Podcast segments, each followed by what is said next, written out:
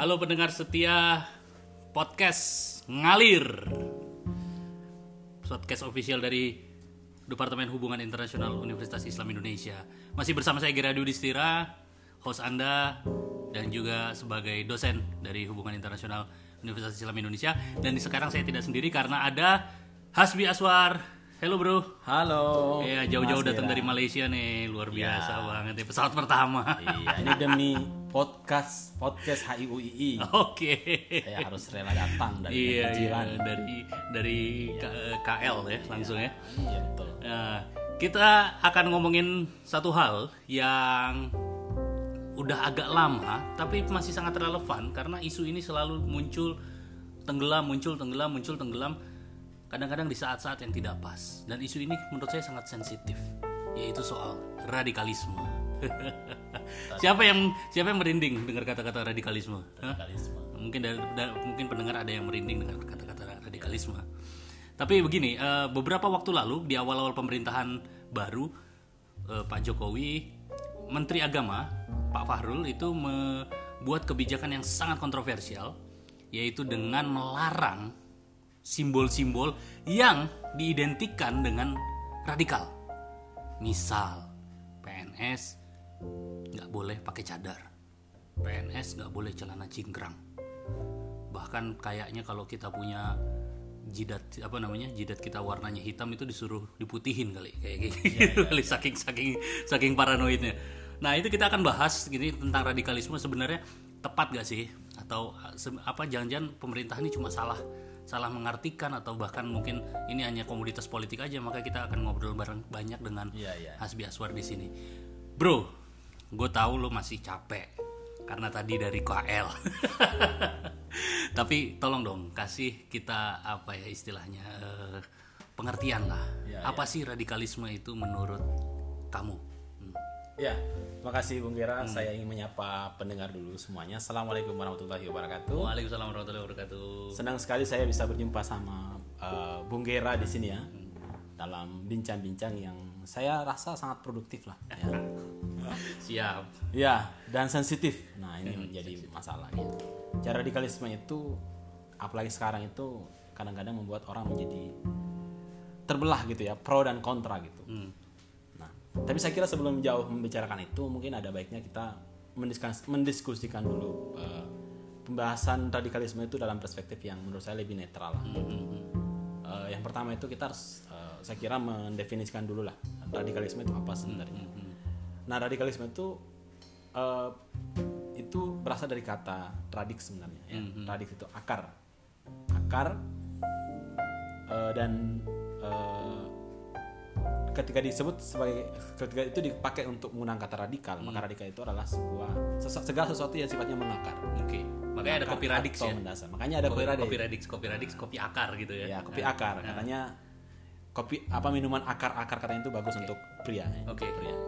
Tapi bukan usah, untuk wanita. usah dibahas lagi Oke, lanjut Ya, oke. Ya, karena di Malaysia di mana-mana di kedai-kedai di Malaysia itu banyak kopi-kopi radix. kopi radix ya, ya. Ayo kebayang kebayang-bayang. Jadi pas diminta ngisi radikalisme itu jadi kebayang-bayangnya kopi radix. Oke, eh, jadi radikal itu sebenarnya kalau dalam pengertian yang netral itu eh, ya dia sebenarnya adalah hal yang positif gitu menurut saya. Karena segala sesuatu yang sifatnya mendasar. Bahkan yang mendasar itu biasanya yang mampu berpikir mendasar itu ya yang menjadi pembaharu, jadi pembaharu-pembaharu sejarah-sejarah eh, reformis dan sejarah-sejarah perubahan-perubahan positif di masyarakat itu pasti diawali oleh pemikiran-pemikiran radikal. itu betul pasti seperti betul betul betul betul negara Indonesia merdeka yaitu karena ada orang-orang radikal yang Iya, merdeka dari Belanda. Soekarno radikal Soekarno radikal.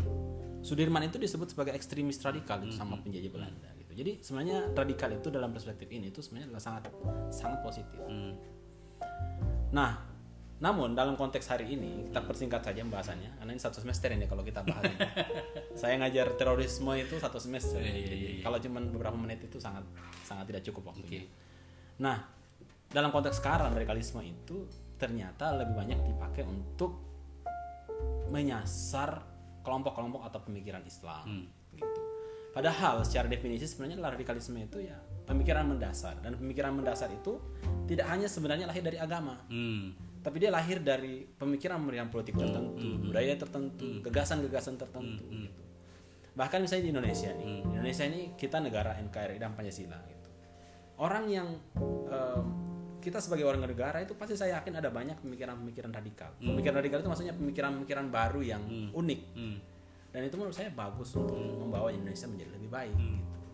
Nah itu kalau kita lihat dalam perspektif positif. Cuma sekarang ada kesan bahwa radikalisme itu lebih dominan diserahkan atau dialamatkan kepada kelompok-kelompok Islam.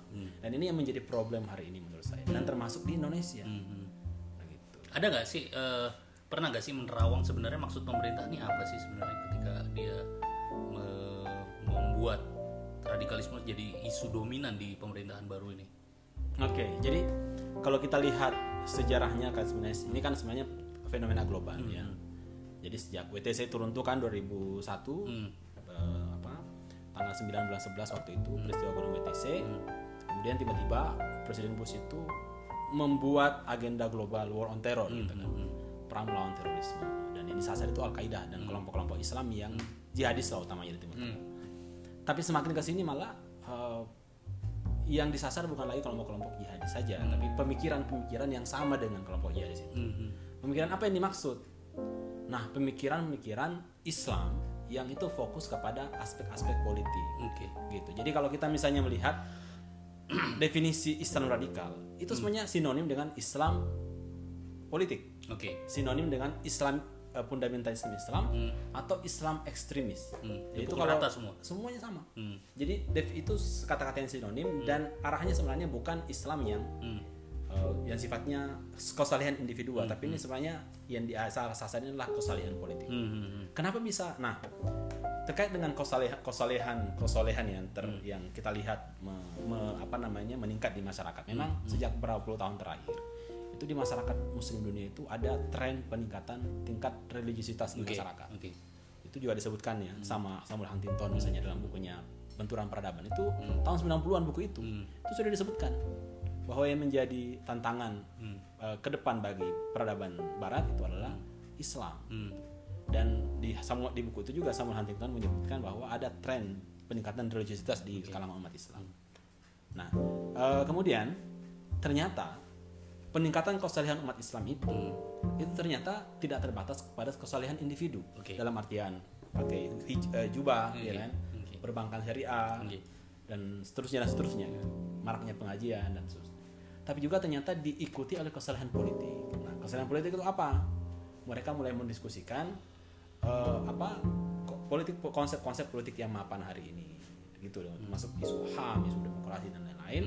Dan akhirnya muncul partai-partai Islam yang me- Mulai berkontestasi. mulai berkontestasi dan membawa isu-isu Islam Oke. Nah, kemudian di situlah muncul kemudian isu-isu yang eh, apa itu apa namanya eh, perbenturan antara gagasan-gagasan politik sekuler dan gagasan-gagasan politik Islam Oke.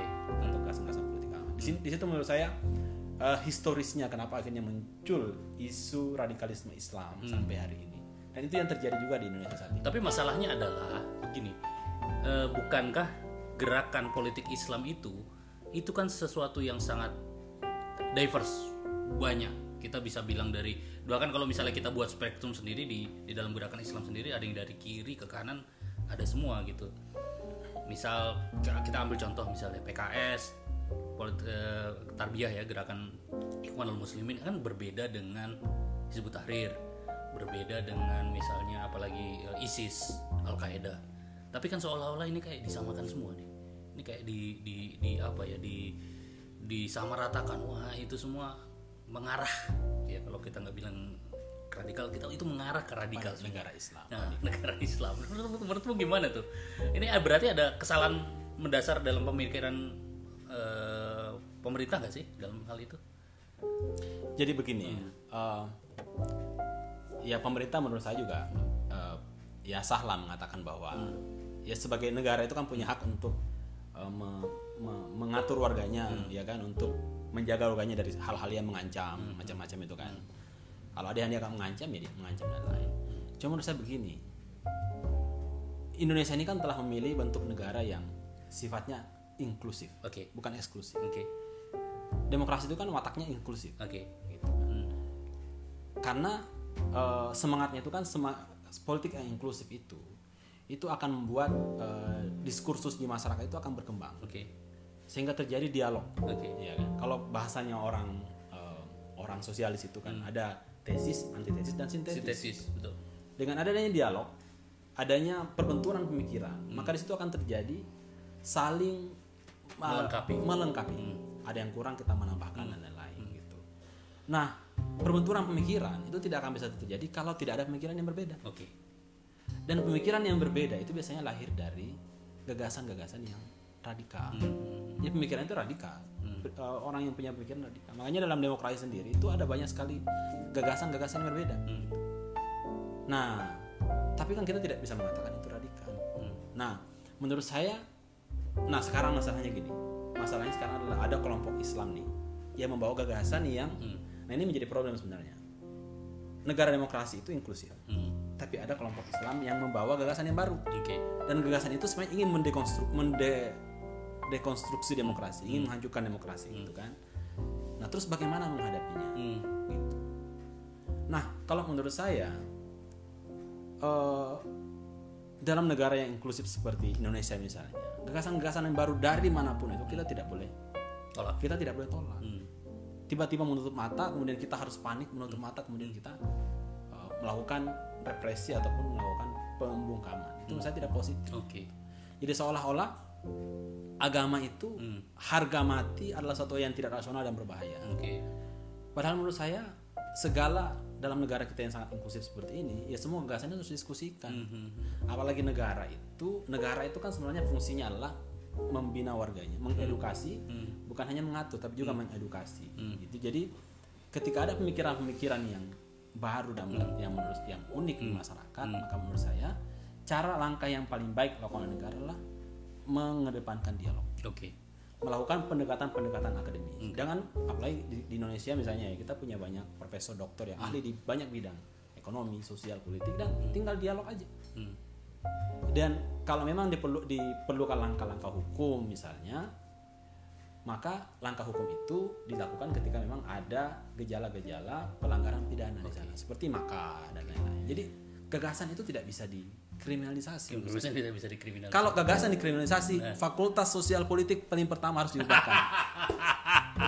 karena fakultas it. iya, gagasan karena Fakultas Sosial Politik itu kita bicara gimana membuat menghancurkan dan membangun negara. Iya iya iya iya. iya. Berarti gini, oke pertanyaannya saya sim- saya simpelkan. Eh, apa yang salah ketika negara melakukan labeling radikal? Karena begini, ini kan tadi eh, kamu bilang itu eh, rujukannya jauh sebelum eh, waktu teroris, waktu 9/11, waktu terus kemudian bertransformasi, bermutasi gerakan-gerakan itu jadi ISIS sekarang dari Al Qaeda jadi ISIS dan segala macam. Nah itu kan berat bukannya bukankah itu salah satu bentuk negara untuk mengamankan tanda kutip eh, apa namanya ancaman-ancaman misalnya yang kita nggak nggak sampai pengen kayak misalnya bom atau Iya betul betul. atau misalnya serangan teroris atau apa bukankah itu adalah alat negara untuk me- mengamankan dirinya Mengamankan Nah, dirinya. nah, Betul, ya. Memang alasan negara untuk melakukan uh, pembatasan kepada pemikiran-pemikiran dan gerakan-gerakan khususnya gerakan Islam saat ini itu ya adalah karena ancaman. Cuman yang saya lihat ini menjadi uh, di masyarakat itu ada ada ada hal yang yang menurut mereka itu mencederai rasa keadilan di masyarakat. Kayak gitu. hmm, Karena kenapa sih ya pertanyaannya itu sangat simpel gitu ya. Kenapa sih radikalisme itu hanya untuk umat Islam saja? hmm, Kenapa sih radikalisme itu celana cingkrang, ya kan? Cadar, hmm, ataupun anak soleh ya kan? Aku anak soleh. Saya guru TPA dulu waktu kuliah. Saya ngajar, ya saya ngajarin itu sama anak-anak gitu. Kenapa sih harus seperti itu gitu? Nah, sementara ada banyak hal-hal yang lain yang bisa juga dianggap radikal tapi kenapa negara itu hanya fokus kepada umat Islam saja? Nah, akhirnya apa? Ini menjadi bumerang menurut saya di bagi pemerintah, gitu. Menjadi bumerang bagi pemerintah.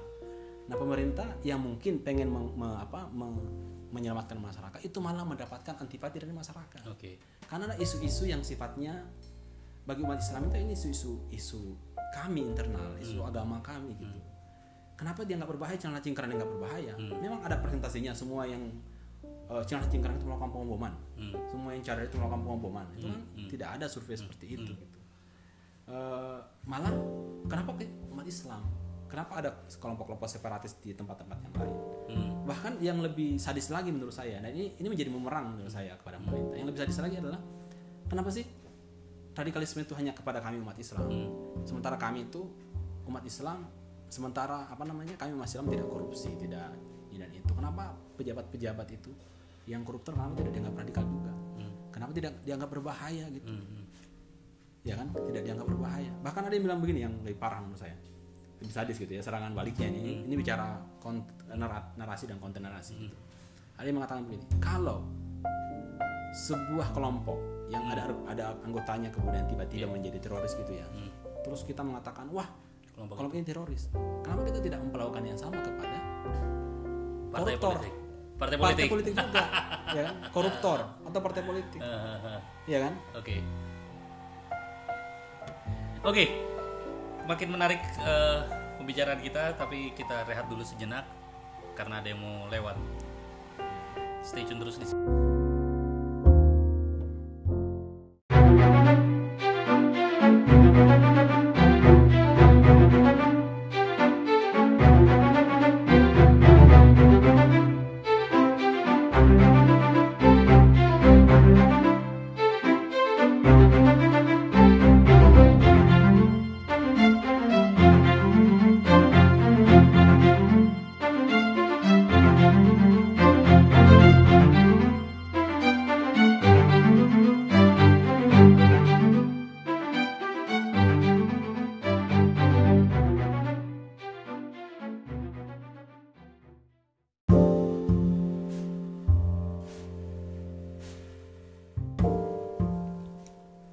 Kadang saya berpikir begini. Label, apalagi label-label yang negatif itu, itu adalah sarana paling efektif untuk menghancurkan gerakan-gerakan politik oposan. Misal, kita punya banyak, pengalaman. Misalnya tahun dari tahun 60 sampai tahun 90-an, apalagi waktu saya kecil, ada aktivis pro demokrasi misalnya yang mau menentang Soeharto itu dilabeli komunis. Padahal jauh banget antara demokrasi sama komunis. Tapi dilabeli komunis. Kenapa? Iya, iya. Karena supaya orang-orang tahu bahwa orang ini adalah musuh bersama. Iya. Apalagi dengan adanya image-image tertentu terhadap komunis. Kayaknya itu terjadi juga sekarang. nah betul Betul gak sih? Iya. Makanya gini, em, kebetulan juga terkait dengan riset saya. Iya. Nah, em, saya em, apa namanya mendapatkan. Jadi kenapa sih sekarang itu ada usaha membuat gerakan anti radikalisme sistematis di Indonesia gitu. Padahal kita juga kaget ya pas kemarin eh, pemi- apa pengangkatan kabinet kabinet baru kok semuanya itu banyak dari militer dan semuanya itu amanahnya untuk me- apa, memerangi radikalisme di Indonesia. Seolah-olah itu kita ra- dar- darurat radikalisme. Hmm, hmm, hmm. Bahkan saya menteri agamanya pun dari militer. Hmm, hmm. Iya, iya, iya. Nah, darurat radikalisme. Nah, pertanyaannya adalah, ini menjadi pertanyaan banyak orang. Apakah memang kita betul-betul ra- darurat radikalisme? Ataukah sebenarnya ini, ini ada kepentingan politik pemerintah itu yang terancam dan kemudian pemerintah itu menghadapi itu dengan membuat isu radikalisme. Oke. Ini menjadi pertanyaan besar. Oke. Dan ternyata Hmm. dan ternyata itu beberapa tulisan saya baca ya khususnya dari Indonesianis lah di luar negeri bisa seperti misalnya em, ada siapa Greg Philly gitu termasuk juga bahkan yang pakar terorisme itu Hmm. eh, Sidney Jones Sidney Jones. Ada juga Marcus Misner, gitu Misner, kan, termasuk juga eh, eh, apa VD Hadis itu Fede Hadis. di Australia itu juga menjelaskan Hmm. bahwa eh, narasi radikalisme anti radikalisme yang diangkat oleh eh, rezim Jokowi saat ini khususnya pasca gerakan 212 itu kekalahan Ahok itu sebenarnya adalah eh, aksi balas dendam sebenarnya Hmm. satu aksi balas dendam terhadap kekalahan Ahok dan ketakutan eh, ketakutan rezim Jokowi terhadap eh, apa kekalahan yang bisa akan diderita serupa karena Ahok itu. Jadi Ahok kalah ya kan? Itu ada eh, gerakan Islam yang masif mengangkat isu-isu Islam gitu sehingga Ahok kalah dan kemudian ini mengancam pencalonan Joko Widodo 2019 dan ada ketakutan bahwa nanti gerakan ini kalau tidak dibendung ini malah akan sangat merugikan eh, posisi rezim yang berkuasa di tahun 2019. Oke. Itu menurut mereka seperti itu, Hmm, gitu. hmm, hmm, hmm. Nah sehingga diangkatlah isu itu dan dalam hal yang lain memang pemer- eh, pemerintah itu dianggap sebagai panik, Hmm. panik dalam merespon em, apa merebaknya atau munculnya gerakan-gerakan politik yang berlatar belakang Islam. Hmm. Panik karena panik akhirnya membuat apa kebijakan-kebijakan yang dikatakan membabi buta malah Hmm, hmm, hmm. membabi buta kenapa karena dia tidak punya eh, legal reasoning yang jelas. Hmm. dan tidak ada al- alasan politiknya pun itu ada dengan apa? Dengan kebijakan politik yang sangat tergesa-gesa Hmm. contohnya apa misalnya? Em, pasca 212 itu ada banyak tokoh-tokoh 212 itu yang malah di di diperkarakan Iya, ya. iya. ada Habib Rizik dengan chatnya itu. Walaupun ternyata terbukti tidak ada ya kan? Akhirnya Habib Rizik lari ke Arab Saudi. Hmm. terus ada eh, apa pengurus FPI yang lain ada Bahtiar Nasir dan lain semuanya Oke. itu tiba-tiba semua di di apa namanya diperkarakan kok tiba-tiba gitu. Dan itu tidak ada hubungannya dengan aksi 212 Oke.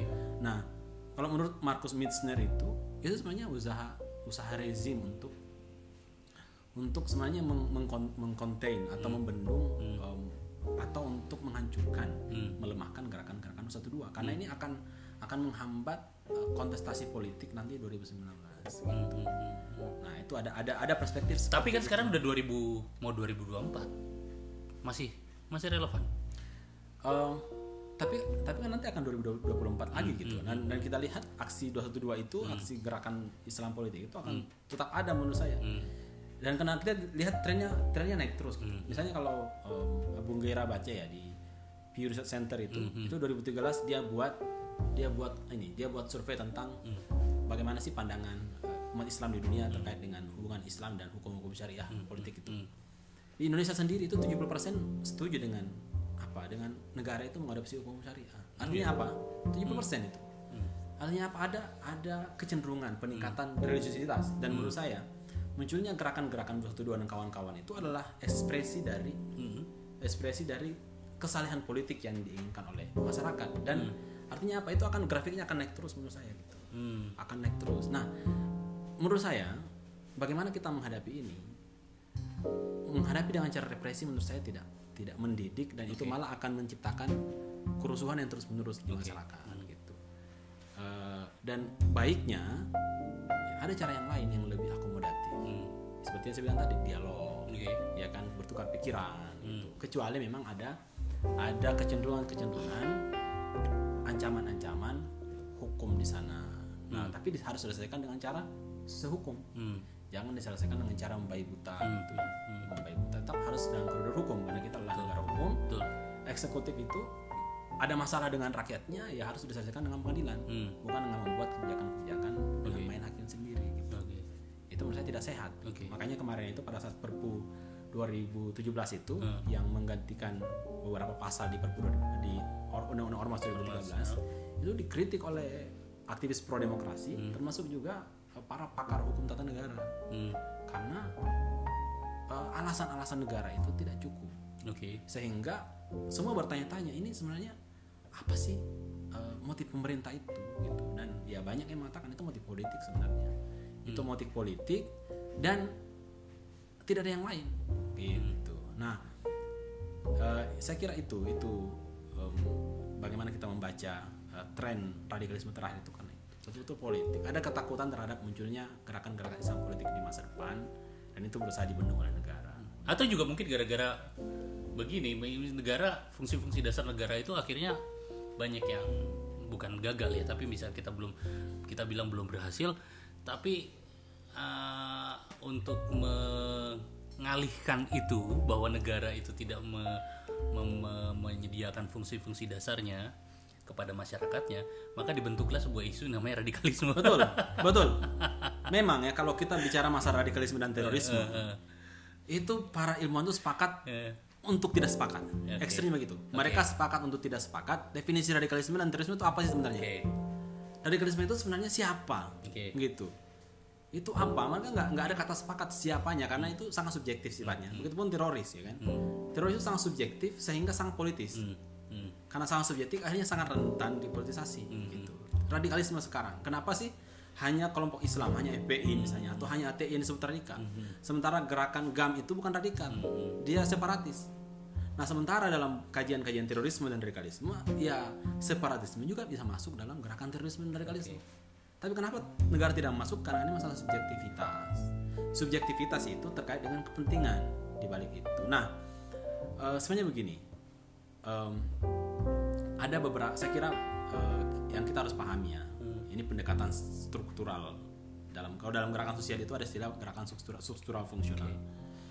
Eh, kenapa sih?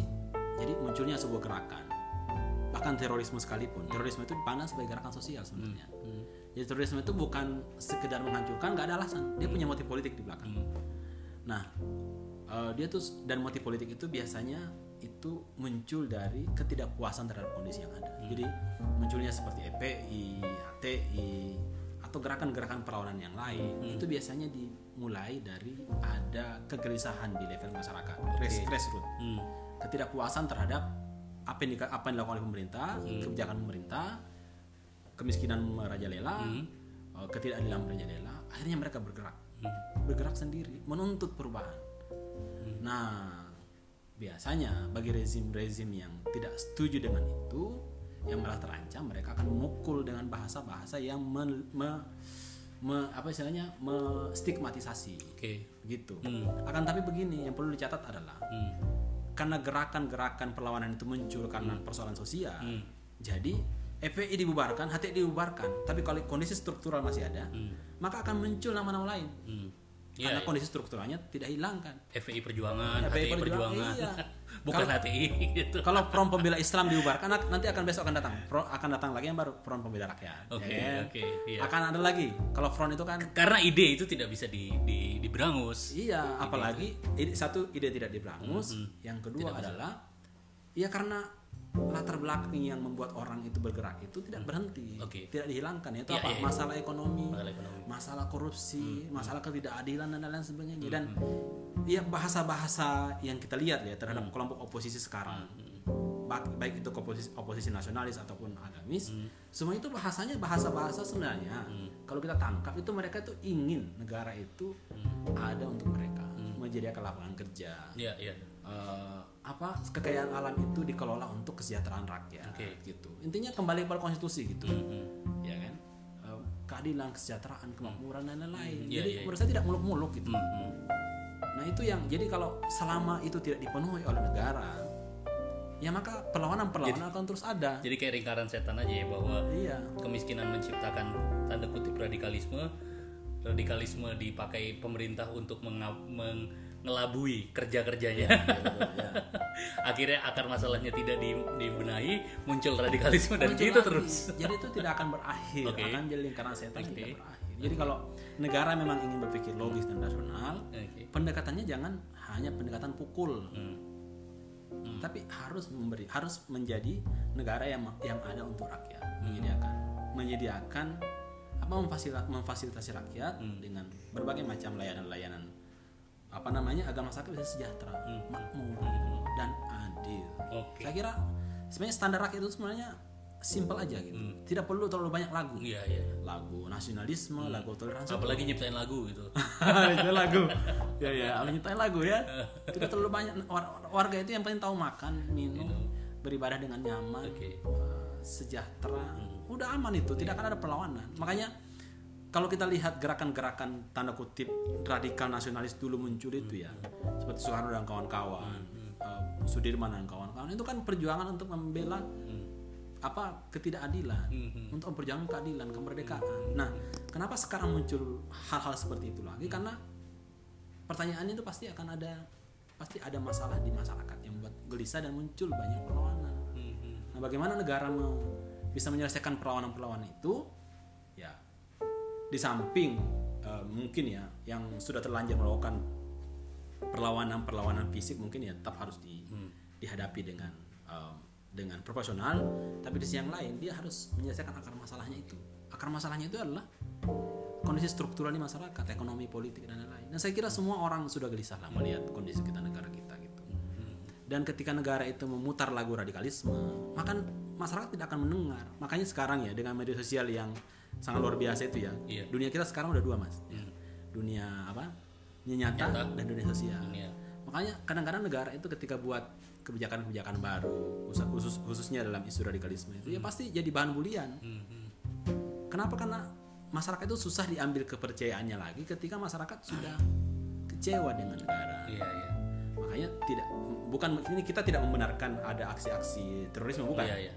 Tapi kalau kita ini radikalisme itu kan sebenarnya kita tidak boleh menyamakan ya radikalisme dan terorisme Terorisme, betul, terorisme betul. itu Saya sudah sepakat. violence sudah violence Eh, sudah violence. sudah violence dan ya, Tapi radikal masih dalam bentuk eh, pemikiran ide, ide pemikiran ide. ya. Iya. Eh, eh, bahkan pun kalau kita bicara radikal, eh, terorisme terorisme itu tidak akan selesai hanya dengan menangkapi mengeksekusi dan membunuhi para pelaku Hmm. tidak akan karena gerakan-gerakan terorisme itu juga muncul karena sama juga kondisi strukturalnya gitu kondisi ekonomi dan lain-lain sebagainya. Ketidakadilan. Cuma, makanya kalau kita bicara masalah al qaeda dan lain-lain itu kan kenapa mereka muncul? Hmm. di timur tengah ya itu untuk apa melawan Hmm. pendudukan dari negara-negara barat. Kan begitu. Jadi semua itu punya latar belakang yang yang menurut saya sangat sangat struktural sih. Yang menarik adalah ketika waktu ada kejadian bom di Tamrin ya yang terakhir itu ada ada satu foto yang me- me- me- memfoto eh, sang pelaku. Tepat sesaat sebelum bom itu diledakkan gitu ya. Dan dia sama sekali tidak memakai celana cingkrang tidak berjidat Iya, hitam. betul. dan tidak malah malah bertopi dengan pakaian eh, casual pakai jeans pakai sepatu cats layaknya anak-anak muda biasa. Tapi akhirnya boom. Iya betul. dan yang lucu nih sekarang ada hal yang menurut saya menarik ya sekarang ini pemerintah itu bahkan itu tidak bersepak tidak punya satu kata yang sepakat tentang radikalisme ya. Oke. Nah, sekarang kan yang yang kom- bisa dibilang ini lah badan yang memang fokus ke itu kan BNPT ya, Badan Nasional Penanggulangan Terorisme. Hmm. Kalau BNPT itu orang BNPT dia bilang, Hmm. ya kami tidak mendefinisikan radikalisme atau terorisme itu dalam bentuk pakaian. Hmm. Iya, iya. Tapi ternyata ada menteri yang lain mengatakan Pakaian. ya, pakaian. Hmm. Gitu. Jadi pemerintah sebenarnya tidak bersepakat juga sebenarnya dalam definisi Iya, iya, radikalisme. iya, iya. Dan ini menurut saya jadi problem jadi Iya. kebijakan. Bagaimana dibuat kebijakan sementara definisinya aja nggak jelas. Nggak jelas. Betul. Akhirnya apa? Dari situ banyak yang curiga ini jangan-jangan cuma kepentingan politik. Ah, kepentingan politik apa? Apakah kepentingan politik untuk warga negara Indonesia Hmm. atau kepentingan politik politik politik elektoral Hmm, gitu kan untuk nanti tahun 2024 atau atau untuk kepentingan-kepentingan politik saat gitu. Nah, itu menjadi pertanyaan besar seperti itu. Oke. Terima kasih Hasbi Aswar yang telah hadir di sini. Luar biasa sekali diskusinya karena waktu yang memisahkan kita kita akhiri dulu sampai di sini. Tapi mungkin bisa kita lanjutkan lagi, Bro, dengan diskusi yang lebih eh, seru lagi soal radikalisme Ya. 2.0 mungkin. Tapi eh, saya sepakat bahwa eh, yang namanya manusia itu selalu bergerak, bahkan otak manusia itu selalu berpikir jika dipakai, ya jika dipakai. Ya, katanya itu ya, katanya eh. tidak ada yang tidak berubah di dunia ini kecuali perubahan itu sendiri. Perubahan itu sendiri. Jadi eh, bahkan menurut bagi siapa Francis Fukuyama dia mengatakan bahwa the end of history adalah ketika sudah tidak ada lagi perubahan dan ideologi sudah final. Dalam hal itu sejarah sudah berakhir, selesai. Tapi bagi sebagian orang the end of history itu tidak akan pernah tercapai karena manusia sejatinya selalu berpikir dan selalu merasa tidak puas terhadap apa yang terjadi saat ini Betul, betul. dan itu yang menyebabkan mereka selalu berpikir untuk memperbarui keadaan dan sayangnya itu yang selalu dicap radikal. Terima kasih Aspi Aswar, kita ketemu lagi Makasih. di lain kesempatan di podcast Ngalir, official podcast dari Departemen Hubungan Internasional Interna- Universitas Islam Indonesia. Saya Gira Diudisira, Assalamualaikum warahmatullahi wabarakatuh.